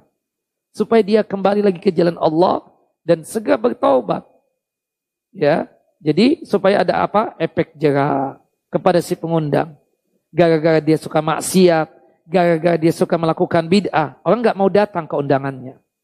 Nah mudah-mudahan dengan tidak datangnya kita ke undangan dia tersebut, itu menjadi efek jerah sehingga dia tersebut segera bertaubat kepada Allahu Jalla wa'ala. Yang ketiga, undangan itu wajib didatangi kalau undangan itu khusus datang kepada kita. Lewat WA, atau SMS, atau telepon langsung, atau mendatangi kita langsung. Atau ada kartu undangan. Adapun misalnya dia iklan di masjid, Bapak-bapak, ibu-ibu, insya Allah tanggal ini, ini, ini, tahun ini, ya, ini, ini, ini, ini. Silakan datang ya ke undangan itu. Ada seseorang misalnya mengatakan, berhubung dia jamaah kajian di Nurul Iman ini, dia kemudian minta izin kepada dekan masjid, Pak, anak ini mau mantu, anak mau menikahkan, ya putri anak, ya dengan si fulan. Harinya ini, tanggalnya ini, ya boleh enggak Anda mengumumkan sama jamaah untuk mengundang mereka semuanya? Oh silakan. Diumumkanlah undangan tersebut di dalam masjid ini.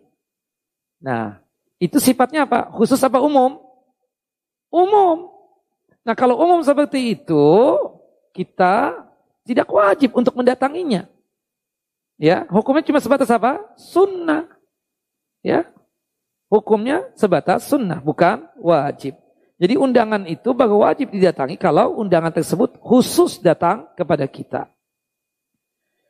Kemudian yang keempat, undangan yang wajib untuk kita datangi adalah hari pertama walimah tersebut. Saya nggak tahu ya, masih ada nggak yang undangan itu sampai tiga hari tiga malam? Masih ada ya? Kebiasaannya kan karena irit biaya sekaligus kan ya jam 8 akad nikah resepsi jam 9 jam 10 selesai. Habis itu nggak ada undangan lagi. Lebih senang begitu sebenarnya. Terutama yang lebih senang saya pengantin kan? Ngapain? Panjang lagi ganti baju lagi. Baju ini baju itu. Macam-macam sudah. Ya lelah itu. Pengantinnya lelah. Kita sebagai orang tuanya juga puyeng tambah kos lagi, tambah biaya lagi, bukan begitu? Nah, tapi orang kadang memang suka. Sebagai wujud senangnya dia, putrinya sudah menikah, gak apa-apa deh, tiga hari tiga malam. Belum lagi nanti ada undangan khusus keluarga lagi. Ada lagi undangan khusus teman-teman sejawat lagi. Macam-macam sudah. Nah, kita yang wajibnya yang mana? Yang hari pertamanya saja. Terutama hari pertamanya itu biasanya berkaitan dengan akad nikah itu. Nah, adapun nanti start ini diundang dua-duanya loh. Akad nikah diundang, resepsi juga diundang. Nah, biasanya Ustadz kan milih yang akad nikah aja deh, yang aman ya. Seperti itu. Karena kalau akad nikah di tempat kita ini, insya Allah terjagalah. Maksiatnya itu, ya mungkin ada maksiatnya, tapi masih sedikit. Bahkan gak ada maksiat sama sekali. Tapi kalau sudah resepsi, Allahu Akbar. Kalau mereka yang gak paham, yang belum mengaji, ya masih begitulah. Nah itu yang kita khawatirkan. Nah maka oleh sebab itu ketika kita misalnya diundang, dua-duanya akad nikah diundang, resepsi diundang, ya kita datang di akad nikahnya saja. Itu yang wajibnya. Ya kalau walimahnya monggo silakan datang. Makanya dikatakan jika ada seseorang yang mengadakan walimah selama beberapa hari dan kita diundang pada hari kedua atau yang ketiganya, maka tidak wajib untuk memenuhinya lagi. Wallahu alam bisawab. Yang kelima, undangan itu wajib untuk kita datangi jika tidak memberatkan kita. Yang dimaksud memberatkan itu apa? Jika untuk menghadiri undangan tersebut, seseorang harus berpergian jauh, mengeluarkan biaya yang besar. Subhanallah. Antum undang anak untuk hadir di walimah putri antum yang menikah. Antum tinggal di mana Pak? Anda di Amerika Ustaz. Subhanallah. Nggak ada tiket. Nggak ada biaya. Kemudian dia nggak ngomong. Gimana nanti kalau datang tinggal di mana? Kata. Iya kan? Nah Ustadz kan paling insya Allah, insya Allah Anda datang ya kan? Ya, atau dia jujur ya, Pak, anak kayaknya nggak bisa datang. Kenapa? Anak nggak bisa beli tiket ke Amerika. Yang kedua juga, ya Ya waktunya panjang dan seterusnya lah, macam-macam lah. Nanti tinggal di mana di situ dan seterusnya. Nah kita kan cuma menghindar aja kan. Kadang ya, ya Allah Jojo ngundang kita ini. Luar kota kadang, ya kan? Di luar kota. Ya subhanallah datang undangan itu. Lewat WA, kadang undangan khusus. Padahal dia tahu bahwasannya ini orang nggak bisa datang kan seperti itu. Nah, tapi kalau misalnya yang undang kita itu kerabat kita, keluarga kita. Misalnya keponakan kita yang kawin, kebetulan ada di daerah, anak kakak kita. Ya kita usahakan untuk datang. Kita usahakan apa? Untuk datang. Kenapa? Untuk menjalin silaturahim, sekaligus apa? Pulang kampung deh. Untuk menguatkan silaturahim kita kepada kerabat-kerabat kita. Apalagi kita ini terbilang mampu lah. Untuk sekedar keluar kota, pulang kampung ya. Sekaligus menghadiri pernikahan keponakan kita, nah itu hendaknya kita usahakan untuk datang. Dan insya Allah tidak memberatkan kita. Wallahu alam bisawab. Nah, jadi kalau misalnya yang ngundang kita itu kerabat kita atau teman dekat kita memang soulmate banget dengan kita, kita usahakan untuk apa? Untuk datang. Meskipun kita mengeluarkan biaya untuk datang ke acara undangan mereka tersebut. Wallahu alam bisawab. Yang keenam, kita baru wajib mendatangi undangan jika tidak ada kemungkaran pada acara walimah tersebut. Ini undangan subhanallah. Ya, satu gedung. Dipisah enggak? Enggak, kita enggak pakai pisah-pisah. Repot. Berarti ada laki dan perempuan campur ya satu di situ. Iya ikhtilat saat alafu deh. Nah kita bilang alafu juga. Anda nggak bisa datang ya. Subhanallah. Kenapa? Maksiat kan? Jelaslah mata kita ini nggak bisa bohong. Ya, ketika ada yang lewat bening-bening kita kadang kan susah juga. Ayo tundukin pandangan terus nggak mungkin juga. Takutnya tertabrak orang kan seperti itu.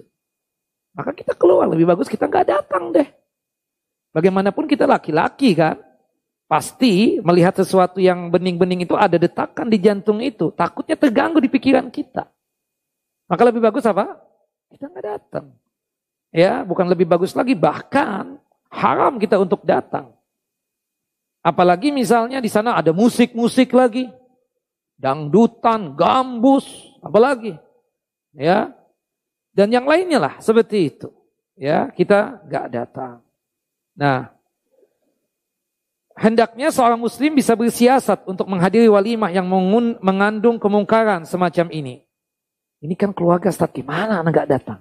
Antum siasati aja. Antum datang di awal. Acara jam berapa mulai? Habis Isa Ustaz. Walimahnya habis Isa. Resepsinya habis Isa. Iya. Akad tadi. Sudah datang kita akad. Tapi kan kita sebagai keluarga mau nggak mau diundang lagi kan? Kita siasati. Habis maghrib kita datang nongol di situ. Kita tampakin wajah kita sama om-om kita dan tante-tante kita itu. Kita datang. Tapi pas sudah mulai acara, kita keluar deh. Keluar jauh-jauh. Ya, kita dia sudah paham, udah ngerti. Ini si pulang gak bakalan hadir gitu lah. Cuma jadi omongan di keluarga itu. Kita kan kesian juga ya mendapatkan abah umi kita jadi nggak enak hati dan seterusnya. Kita sih sudah ngomong apa adanya ini haram nggak boleh, anak nggak datang. Nah kita mensiasati kadang kan ada teman-teman yang nggak siap. Yang seperti Ustadz omongkan tadi itu.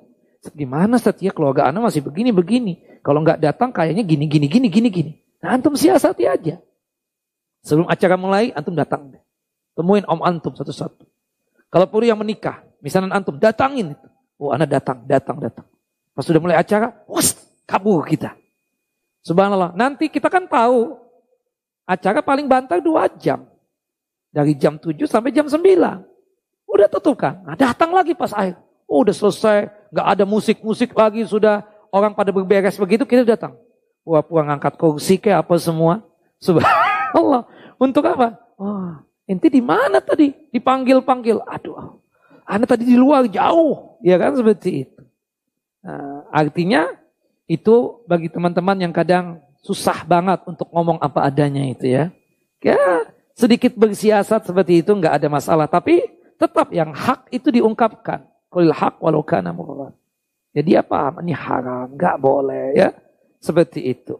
Wallahu alam bisawab. Kata Nabi kita Muhammad sallallahu alaihi wasallam dalam satu hadis yang sahih, "Man kana yu'minu billahi wal yawmil akhir, fala yajlis ala ma'idatin yudaru 'alaiha al-khamru." Nah, disebutkan oleh Nabi kita Muhammad SAW barang siapa yang beriman kepada Allah dan hari kiamat, maka janganlah ia menghadiri jamuan yang dihidangkan pada hidangan tersebut ada khomarnya. Hadis dikeluarkan oleh Imam Ahmad dan juga oleh Al-Imam At-Turmudi. Naam. Nah ini enam ya syarat wajibnya kita tersebut mendatangi undangan. Yang pertama tadi apa? Yang mengundang kita apa? seorang muslim. Artinya non muslim yang undang kita nggak wajib ya untuk kita datang. Kemudian yang kedua, yang mengundang kita adalah orang yang bukan yang dibaikot oleh hukum, oleh pemerintah atau oleh masyarakat muslimin. Ya, dikenakan kemaksiatan dan kebidahannya. Ya, artinya yang mengundang adalah orang yang sedang tidak dibaikot. Seandainya yang mengundang kita adalah orang yang dibaikot oleh pemerintah lantaran kemaksiatan dan kebidahan yang dilakukan dengan tujuan menyadarkan untuk segala untuk segera bertaubat, maka sebaiknya ia tidak memenuhi undangan tersebut. Ya, manfaatnya apa? Guna memberi efek jerah agar dia tersebut meninggalkan kemaksiatannya. Yang ketiga apa? Undangan itu datang khusus kepada kita, baru wajib. Kalau umum wajib enggak? Cuma sunnah. Yang keempat, ya undangan yang wajib itu di hari yang pertama saja kalau sekiranya dia mengundang kita. Selain akadnya, juga walimahnya. Kemudian besoknya lagi ngundang lagi. Lusanya lagi ngundang. Yang wajibnya di hari yang pertama saja. Kalau hari pertama itu ada dua nih undangan, ada akad nikahnya, ada resepsinya. Akad nikahnya pagi start, resepsi malam. Malam, hari, gimana? Yang wajib akad nikahnya aja yang antum datang. Jelas? Nah, kemudian eh, yang kelima tidak memberatkan kita untuk datang ke undangan tersebut. Ya, yang terakhir tidak ada kemungkaran pada acara walimah tersebut. Baru kita wajib untuk mendatangi undangan jika terpenuhi enam syarat ini. Wallahu alam bisawab. Taib. Sudah dua hak yang sudah kita sampaikan insya Allah pada kesempatan yang akan datang kita lanjutkan lagi. Hak yang ketiga dan seterusnya yang ketiga itu adalah wa idastan sahaka fansah lahu. Apabila saudara kita sama muslim meminta nasihat kepada kita maka hendaknya kita memberikan nasihat untuknya. Wallahu alam bisawab Ustadz jika adzan berkumandang dan kita di dalam masjid bertemu dengan jamaah lain, apakah saat itu juga kita memberikan salam atau menunggu adzan selesai? Ya, menjawab adzan sunnah muakkadah, sunnah yang sangat ditekankan, jaminannya jannah dan surga. Artinya, kalau sekiranya kita berjumpa dengan saudara kita sama muslim di dalam masjid, pas dikumandangkan adzan, pilihannya itu boleh menjawab adzan dulu, baru kita memberikan salam, atau kalau ketemu di dalam masjid, kebetulan adzan sedang dikumandangkan, boleh kita berikan salam kepada dia.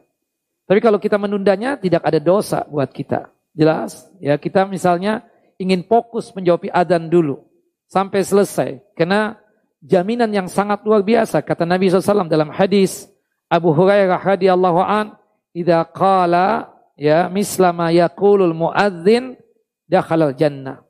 Idza qala mislama yaqulul muadzin yaqinan dakhalal jannah. Apabila kita menjawab azan muadzin tersebut dengan penuh keyakinan kita, maka dijamin masuk jannah dan surga. Dan itu dikuatkan lagi dalam hadis Umar bin Khattab radhiyallahu an. Kita fokus menjawab azan misalnya. Nah, tidak mengapa kita tunda dulu, kita agak jauh-jauhan dulu dengan dia sambil mengasihkan isyarat bahwasanya nanti setelah azan kita juga akan ketemu dengan dia. Nah, atau misalnya karena dia memanggil-manggil kita ya, mau tidak mau kita berjumpa, kita ucapkan salam. Assalamualaikum warahmatullahi wabarakatuh. Waalaikumsalam warahmatullahi wabarakatuh. Kemudian kita lanjut, kita menjawab salam. Itu pun juga tidak menjadi masalah. Wallahu alam bisawab. Kemudian di masa kita ada semacam urub titip salam ketika bertemu kerabat, teman, ya dan seterusnya. Bukan hanya kita ya. Titip salam ini, ini dalam Islam ada. Ini sunnah, titip salam. Bayangkan, Allah Jalla wa'ala bertitip salam kepada ibunda siapa? Khadijah, radhiyallahu anha. Kemudian Jibril bertitip salam kepada siapa? Kepada Rasulullah untuk disampaikan kepada siapa? Kepada Aisyah, ibunda kita juga, ibunda Aisyah. Jadi Allah Jalla wa'ala ya bertitip salam melalui Rasulullah agar salamnya tersebut disampaikan kepada ibunda Khadijah ya melalui Jibril kemudian Rasulullah kemudian ibunda Khadijah kemudian Jibril salam bertitip salam kepada Rasulullah agar disampaikan salamnya kepada ibunda Aisyah nah artinya tidak menjadi masalah bahkan itu adalah sesuatu hal yang sifatnya disunnahkan ya titip salam ya sama si pulang lama nggak ketemu anak sama dia bilangin anak salam ya sama beliau nah ketika berjumpa syuk ya Ustadz si pulang titip salam sama antum tadi. Oh kita bilang alaika wa alaihi salam. Kan begitu jawabannya. Wallahu alam bisawab. Dan itu sunnah ya. Nah, Ustaz sampai sebatas mana kita bermuamalah dengan tetangga kafir karena posisinya pas sebelah rumah saya. Apakah boleh menengok tetangga kafir yang sedang sakit dalam rangka berbuat baik? Ya boleh. Boleh nggak membesuk tetangga yang sedang sakit atau orang kafir yang sedang sakit? tetangganya kafir, sedang sakit. Boleh nggak kita besuk? Boleh. Itu dilakukan oleh Nabi. Banyak hadis yang menjelaskan itu. Ya, dan dari Rasulullah membesuk tetangganya yang sakit tadi Yahudi, Yahudi itu masuk Islam. Padahal si Yahudi itu suka betul menghardik dan menghinakan Nabi kita Muhammad SAW. Tapi gara-gara Rasulullah berbuat baik dengan cara membesuk dia ketika dia sakit, membuat dia dapat hidayah dari Allahu Jalla wa ala. Kemudian juga kita tahu kan Rasulullah SAW itu sering berkunjung ke rumah pamannya Abu Talib. Padahal kita tahu Abu Talib meninggal dalam kondisi apa? Kafir. Nah, termasuk tetangga kita, non muslim. Ketemu dengan dia, ya saya hello. Eh hey, Bapak, selamat pagi Pak. Apa kabar? Ya kan, nggak perlu salah. Kan seperti itu. Termasuk kita nih, korban kan? Daging korban antum, sudah berwujud nasi mandi atau kapsa atau sate. Antum kirim kepada tetangga yang kafir, tapi boleh nggak? Boleh. Meskipun kita tahu pembagiannya itu kan sepertiga buat kita yang berkorban, sepertiga lagi buat hadiah. Nah, termasuk tetangga kita tadi. Termasuk yang non muslim tadi kan. Kita bagikan juga, boleh nggak? Boleh. Dan sepertiga yang sisa itu buat sadakah. Dan pastinya adalah orang-orang fakir dan miskin. Boleh, tidak mengapa yang demikian. Kadang kita di Ramadan. Kita kan banyak makanan di Ramadan ini. Tetangga kita, yang depan rumah kita, bahkan yang samping kita, ya kafir, non muslim. Kita kirim makanan kepada mereka boleh enggak? Boleh. Sebagai wujud apa? Menjalankan hak tetangga. Kita berbuat baik kepada tetangga, mau dia muslim ataupun kafir, kita katakan bahwasannya kita ada nilai pahala di sisi Allah Jalla wa'ala. Cuma memang kalau untuk orang kafir menjadi tetangga kita, haknya cuma satu, itu hak ketetanggaan. Kalau misalnya tetangga kita itu muslim, maka dia mendapatkan dua hak. Hak sebagai seorang muslim dan hak sebagai tetangga kita. Dia muslim sekaligus tetangga kita. Kalau kebetulan tetangga kita itu kerabat kita, pemilik kita, maka dia mendapatkan tiga hak. Hak yang pertama, hak dia sebagai muslim. Hak yang kedua, dia adalah kerabat dan keluarga kita. Yang ketiga adalah dia adalah muslim, kerabat kita, keluarga kita, sekaligus tetangga kita. Wallahu alam bisawab. Nah, jadi kalau tetangga kafir sedang sakit, boleh nggak kita besuk? Boleh. Wallahu alam bisawab. Termasuk bos kita, atasan kita. Ya, lagi sakit. Kafir ini Ustadz gimana? Besuk nggak? Besuk nggak apa-apa. Atau bawahan kita, kafir, non muslim. Sedang sakit, kita besuk boleh nggak? Boleh. Tidak mengapa yang demikian. Mudah-mudahan dengan antum membesuknya tadi, dia mendapatkan hidayah dari Allah Jalla wa'ala hingga dia tersebut masuk ke dalam Islam ini. Wallahu alam bisawab. Ustaz, bagaimana hukum memberikan salam bentuk stiker ya kan? Itu di WhatsApp itu. Boleh nggak kita memberikan salam di grup WhatsApp misalnya? Nah, berkaitan tentang masalah surat atau berkaitan dengan uh, apa uh, pesan yang kita kirimkan via SMS atau grup WhatsApp itu yang disunahkan itu kita tulis apa? Bismillah atau Bismillahirrahmanirrahim. Bukan Assalamualaikum. Ya bukan Assalamualaikum. Assalamualaikum itu kan disyariatkan kalau kita berjumpa. Termasuk juga berjumpa itu dianggap berjumpa kalau kita telepon teman kita. Assalamualaikum. Waalaikumsalam warahmatullah. Itu dianggap berjumpa. Tapi kalau lewat surat, tulisan, kita katakan apa? Itu Bismillah atau Bismillahirrahmanirrahim. Nah, cuma kan ada sebagian teman kadang juga salam kan. Assalamualaikum Ustaz. Ya, semoga antum selalu dalam lindungan Allah, selalu sehat walafiat, dimudahkan dalam masalah rizki dan nikmat, dipanjangkan umur dalam ketaatan kepada Allah Jalla wa ala. Amin. Kita jawabin enggak salamnya? Jawab, Pak. Waalaikumsalam. Tapi apakah wajib? Tidak wajib. Kan ada sebagian ustadz misalnya. Ustadz, ustadz itu anak kasih salam enggak dijawab. Kapan? Ketika anak WhatsApp dia, dia langsung jawab aja tuh. Ah mungkin dia lupa, bisa jadi. Atau bisa jadi dia menganggap bahwasanya itu bukan wajib juga. Kan seperti itu. Artinya dia tersebut ya paham bahwasanya menjawab salam itu baru wajib kalau kita apa? Berjumpa, ketemu, bukan lewat surat menyurat. Nah ini kan stiker ini kan untuk memudahkan saja. Kena lama nih, ngetik-ngetik lagi ya kan? Ada stiker langsung. Ah langsung aja. Tek, Waalaikumsalam warahmatullahi wabarakatuh. Bukan begitu. Itu teknis aja. Wallahu alam bisawab. Ya monggo silahkan. Nah, tapi sebenarnya disunahkan kalau kita mengirim risalah atau surat atau pesan lewat SMS atau juga apa grup WhatsApp itu cuma apa Bismillah. Wallahu alam bisawab. Ya. Ustaz bolehkah mengucapkan salam kemudian diiringi dengan membaca Al-Fatihah dan doa belajar ketika belajar di hadapan murid-murid atau mengajar di hadapan murid-murid. Tujuannya untuk memper, memperlancar bacaan itu bagi anak-anak didik.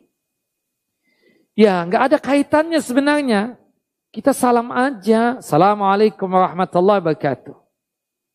Ya, kita khawatir kalau antum memang niatannya itu supaya anak-anak itu lancar membaca surah Al-Fatihah atau lancar doa. Khawatirnya keyakinan itu dia bawa sampai nanti dia sudah balik. Alangkah baiknya kita salam, kemudian bertanya gimana kabar dan seterusnya. Nah kemudian kita mulai ngajarkan sampai di mana anak-anak? Oh sampai hafalan surah Al-Fatihah. Kita ulangi ya surah Al-Fatihahnya. Kan lebih bagus seperti itu. Ya, jangan sampai dibiasakan, apalagi nanti berjumpa dengan yang lainnya. Buku yang satu ketemu dengan buku yang satu lainnya. Kemudian ustazah ketemu dengan ustazah yang lainnya. Kemudian Assalamualaikum warahmatullahi Waalaikumsalam warahmatullahi Kemudian Al-Fatihah. Nah, ini kan enggak tempatnya enggak cocok gitu loh. Ya, Al-Fatihah itu jelas kita baca di waktu kita sholat. Bahkan itu termasuk ukun sholat. Kalau kita enggak membaca Al-Fatihah kan enggak sah sholat kita. Ya, Al-Fatihah itu luar biasa agungnya. Jadi surah yang paling agung dalam Al-Quran surah apa? Al-Fatihah. Sedangkan ayat yang paling agung di dalam Al-Quran ayat apa? Ayat kursi. Luar biasa kan? Nah, tapi keagungan daripada surah Al-Fatihah dan ayat kursi, kita tempatkan sesuai dengan porsinya. Ini kan enggak. Semua-semuanya Al-Fatihah. Baru beli baju Al-Fatihah. Ya, baru beli mobil Al-Fatihah. Subhanallah. Ingin apa? Ingin menca apa menjadi caleg Al-Fatihah. Semuanya begitu. Ini enggak tepat. Ya, ditempatkanlah Al-Fatihah itu sesuai dengan porsinya. Subhanallah ya. Kadang semuanya itu dirangkai dengan hal yang demikian. Al-Fatihah itu agung. Tempatkanlah sesuai dengan tempatnya. Sebagaimana yang dituntunkan dan diajarkan oleh Nabi SAW. Tapi kan semua seperti itu. Kirim. Kirim ini kirim itu Al-Fatihah. Nah ini kan jadi nggak tepat. Wallahu alam bisawab. Jadi sekali lagi sebelum berdoa juga kadang. Ayo ya apalagi dengan bahasa-bahasa yang tidak ada tuntunannya kan seperti itu. Selalu saja dibukanya dengan apa? Al-Fatihah. Seharusnya kan ketika kita berdoa itu dibukanya itu dengan memuji Allah, mengagungkan ya Allah Jalla wa ala, kemudian bersalawat kepada Nabi SAW.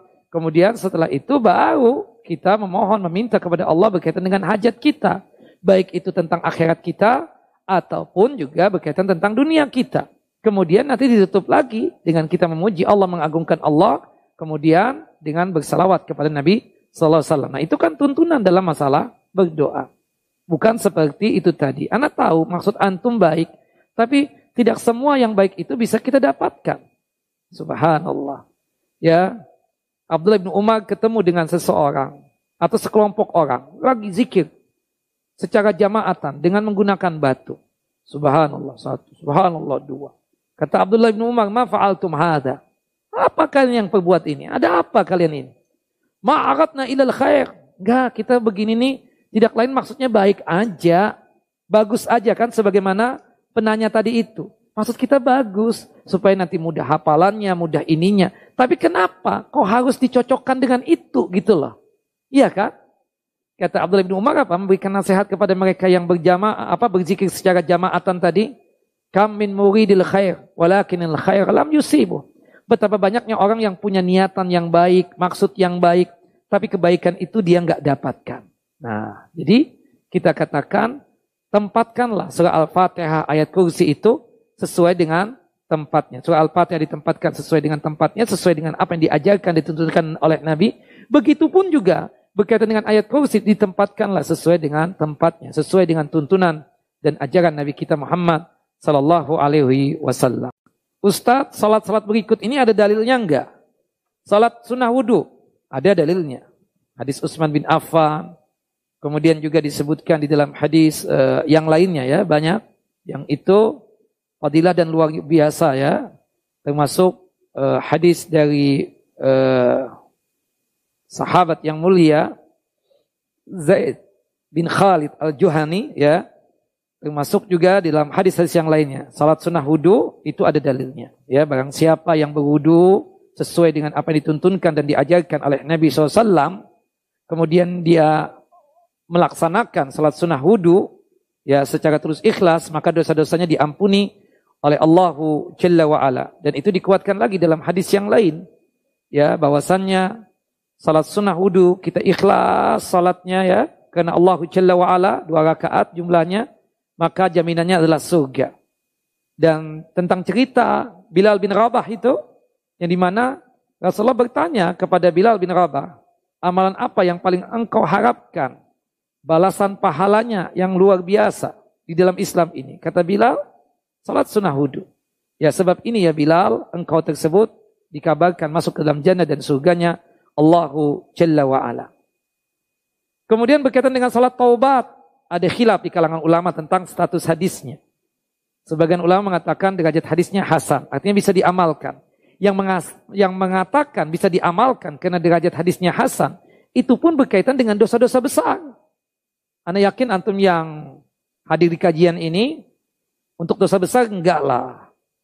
Antum enggak pernah lagi kerok jenggot, bukan begitu. Antum enggak pernah berjudi kan? Ya, enggak minum khamar dan seterusnya. Ya, dosa-dosa kecil iya, tapi dosa-dosa kecil itu terhapuskan dengan apa? Dengan tersendirinya. Dengan kita mengucapkan istighfar, dengan kita melakukan kebaikan seperti sholat, wudhu, dan lain sebagainya. Nah ada orang kan, subhanallah, kita tahu nih orang baik, Masya Allah. Alhamdulillah Ustaz sudah sholat taubat. Ana waktu tahajud tambah sholat taubat. Pak, antum nih emang melakukan maksiat apa Pak? Oh enggak, takut aja dalam perjalanan hidup ini ada kesalahan. Enggak Pak. Salat taubat itu ada yang mengatakan hadisnya derajatnya Hasan itu kalau antum melakukan dosa besar. Kalau antum tidak melakukan dosa besar ya enggak ada. Seperti itu salat taubat itu. Itu yang dijelaskan oleh para ulama. Sebagian ulama mengatakan salat taubat ini hadisnya dhaif. Wallahu a'lam bissawab. Kemudian berkaitan dengan salat hajat, hadisnya dhaif, tidak bisa dijadikan sebagai hujjah. Wallahu a'lam bissawab. Nah, ya, salat hajat itu hadisnya apa? Kita katakan dhaif, tidak bisa dijadikan sebagai hujjah. Wallahu a'lam bissawab. Baik.